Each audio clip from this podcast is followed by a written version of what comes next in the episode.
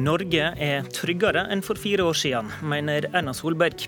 Og mener det sier noe når Høyre er det eneste partiet som velger forsvar og beredskap som en hovedsak i valgkampen. Et drygt utspill, mener Jonas Gahr Støre. Hvem trygger Norge best? Hun eller han? Vi skal snakke om trygghet, og vi skal snakke om arbeid. I den siste statsministerduellen i Politisk kvarter før denne stortingsperioden glir over i sommer og etter hvert valgkamp. Erna Solberg, i går holdt du en tale til ditt sentralstyre der du snakka om trygghet og beredskap. Er Norge tryggest med deg?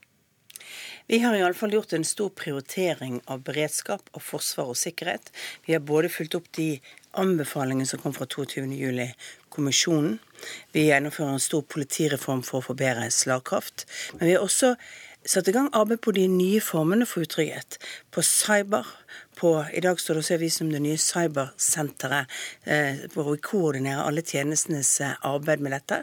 Eh, vi har eh, tatt fatt på det som dreide seg om rekruttering til terror, med en handlingsplan mot ekstremisme og, og eh, rekrutteringen der, hvor vi har jobbet systematisk også med kommuner og annet, men styrket PST sitt arbeid for å forhindre den terroren som kommer utenfra og som er et større område. Så svaret, og vi har lagt frem, ditt er at dette er Den største langtidsplanen med det største løftet for Forsvaret på lang, lang tid i Norge.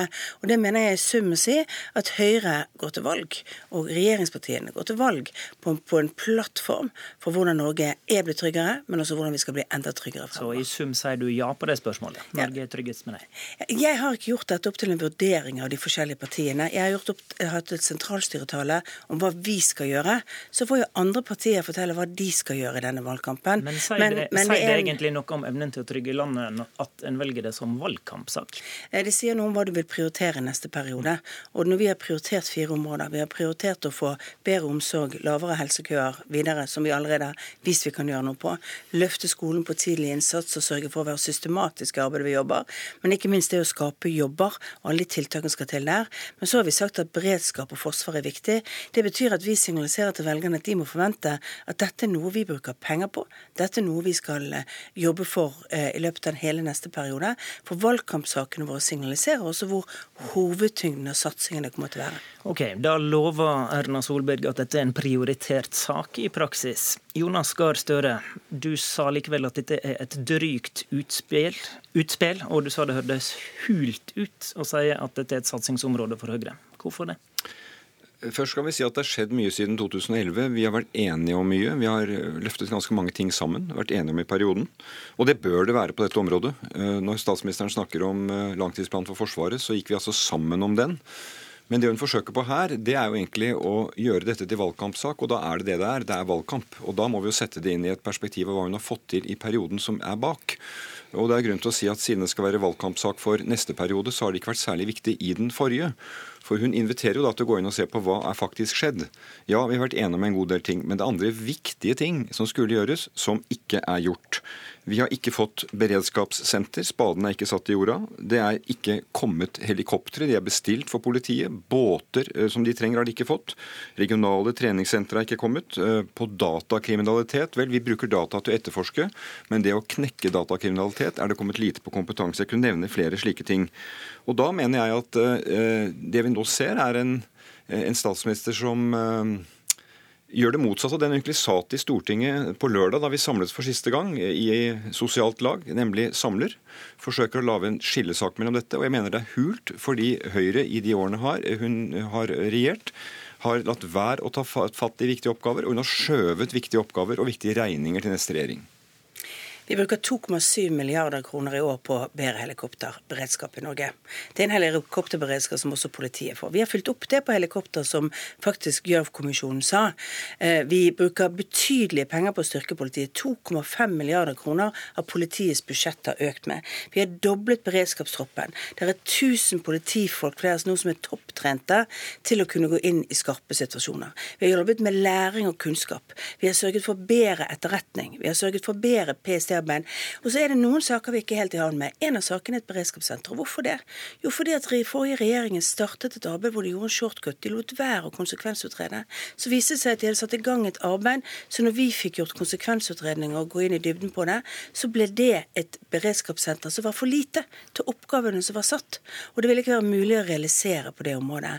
Men det betyr jo ikke at vi har gjort noe med det som var hovedbiten. Vi har gjort noe med læringskultur, vi har flere trente folk, vi har løst de oppgavene, og politiet har mer helikopter. Beredskapstroppen kan stille på fem minutter med den oppbemanningen vi har hatt. vi har gjort kraftfulle, store satsinger. Det blir lange lister fra begge to her. Støre. Jeg, jeg, skal ikke ta en lang liste, for jeg sier at mye av det som har skjedd, er vi vært enige om oppfølging av det vi la an etter Gjørv-kommisjonen, nemlig at vi skulle ha en læringskultur og forbedre. Men jeg må minne om om åtte dager så finner det sted det skarpeste oppgjøret med regjeringen fra Stortinget i denne perioden, og det går på beredskap. På Riksrevisjonens knusende kritikk av politi og forsvars evne til å trygge det vi kaller kritisk infrastruktur. Her har vi altså hatt en regjering som får høre at disse departementene samlet og hver for seg ikke kan gjøre den oppgaven i 2015. Og På toppen av det så har altså riksrevisoren sagt at regjeringen bruker sikkerhetsloven til å skjule eget dårlig arbeid. Dette er svært kritikkverdig på et av de viktigste punktene. Poenget mitt er å si at når Erna Solberg nå sier at de partiene som ikke setter beredskap på fire stikkord på toppen av valgplakaten sin, de prioriterer det ikke. Det er hult når hun har det å vise til okay. i, i, fire årene. Solberg, Solberg, nå vet du at dette oppgjøret venter i Stortinget. Hvordan kan du da påstå at Høyre er de eneste som virkelig trygger landet når hele stortingsperioden skal bli avslutta med det? Jeg har ikke påstått det. Jeg, okay, jeg, har, jeg påstått én ting, og det er helt riktig. Vi går til valg på sikkerhet og beredskap som en viktig valgkampsak i neste periode. Vi sier til velgerne stemmer du på Høyre, så er dette en av våre fire topprioriterte saker. Hvordan er din troverdighet når du vet at dette oppgjøret om riksrevisjonsrapporten, som ble hemmeligholdt, venta i Stortinget. Nå er det veldig viktig å si at Den opprinnelige riksrevisjonsrapporten er det ingen som mener ikke skal hemmeligholdes. Den har masse tydelige sårbarhetsområder som vil være farlige å gi ut. Den opplever at ingen Det er jo den som faktisk. Det sentrale er mangelen i ja. arbeidet med terrorsikring av viktige bygninger ja. og kritisk infrastruktur. Og ved utgangen av 2015 så har regjeringen sagt at på det området så hadde vi ikke vært gode nok. Men det vi vet i dag, og det håper jeg at Arbeiderpartiet også har fått svar på gjennom de høringene som har vært nå, så er dette oppe og står. Og det er ikke noe nytt at ikke alle departementer følger sikkerhetsloven. Jonas Gahr Støre opplevde jo selv at han ikke hadde fulgt sikkerhetsloven da han satt, satt i regjeringen og meldte inn objekter. Det var et stort oppslag i media om det. Da meldte han inn det. Og det som av og til skjer, er at fordi vi har mange ting å gjøre, så har man ikke vært god nok på akkurat dette området. Men dette er ikke beskrivende for regjeringens jo, arbeid med beredskap er, er og sikkerhet. Det, det, er jo den usikkerheten som er sådd. fordi at en av de viktige ting... Det gjør du hver dag en god jobb på å forsøke å få til det. Og det er din jobb, det skjønner jeg. Ja. Men du spiller jo utrolig i denne saken. Takk skal du ha. Eh, nå skal jeg få snakke ferdig.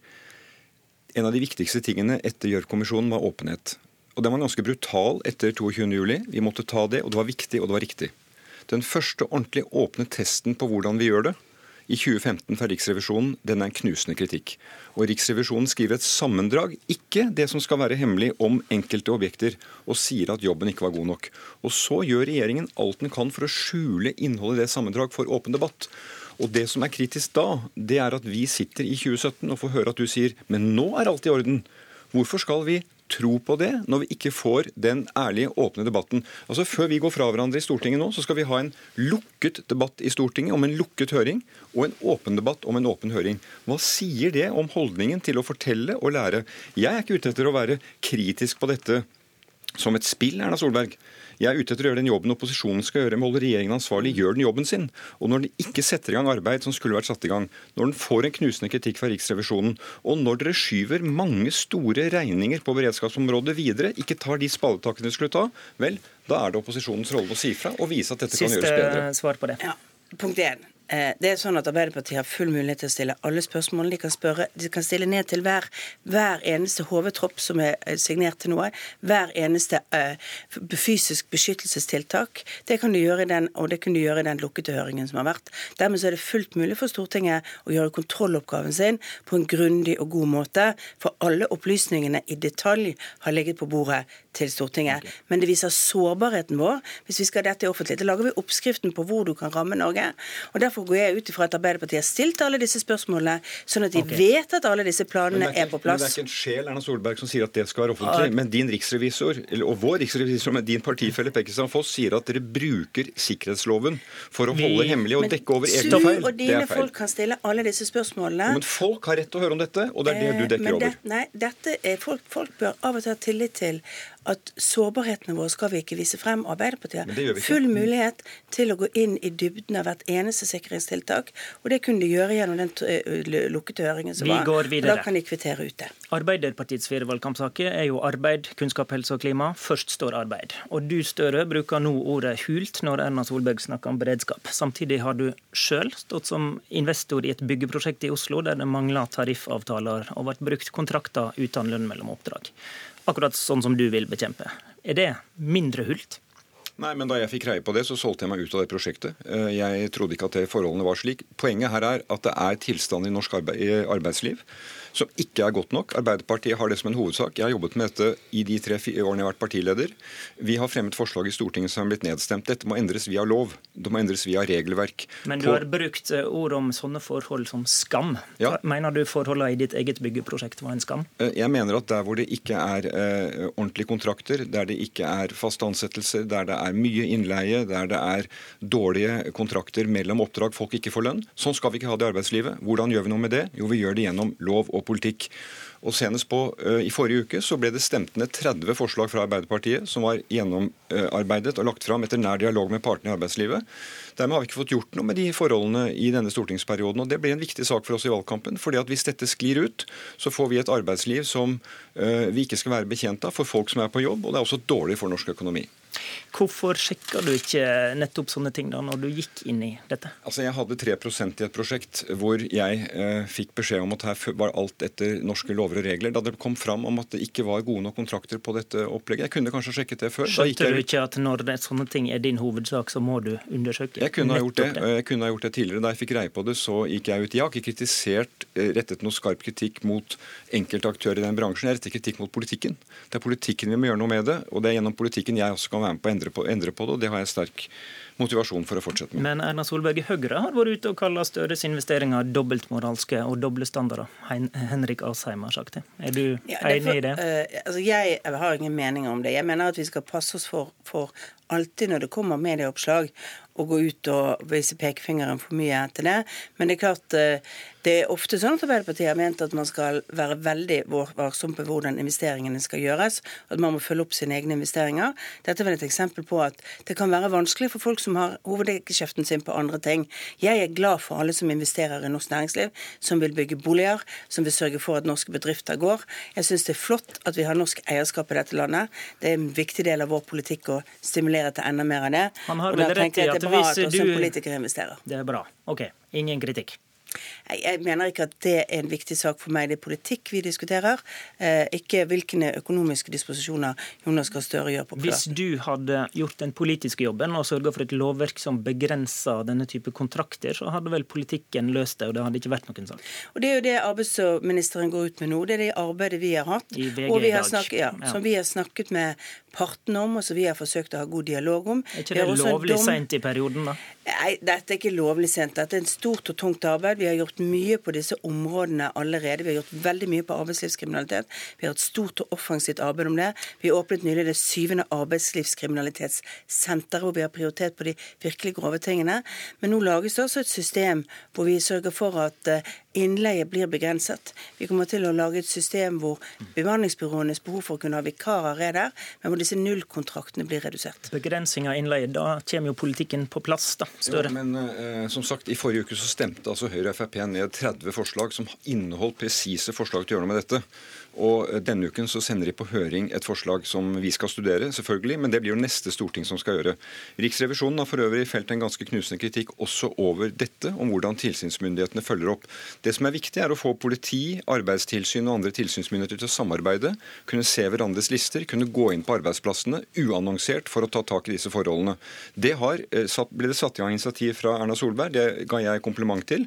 Men når Riksrevisjonen kommer to-tre år etterpå og sier at her har det ikke skjedd nesten noen ting, så er det nok et eksempel på at det ikke er levert på det som er lovet. Så her holder det altså ikke med å komme med, med løfter og, og, nye utredninger. Vi skal gjennomføre politikk. Det er ikke to-tre år etter at vi satte i gang vår handlingsplan. Det er faktisk sånn at de rapporterer fra den tidligste delen i perioden, hvor ikke alle våre tiltak var kommet i gang, men egentlig en vurdering av det systemet som var på plass også før vi kom i regjering. Takk. Vi åpner vårt syvende arbeidslivssenter. Takk til Erna Solberg og Jonas Gahr Støre i studio, Håvard Grønli.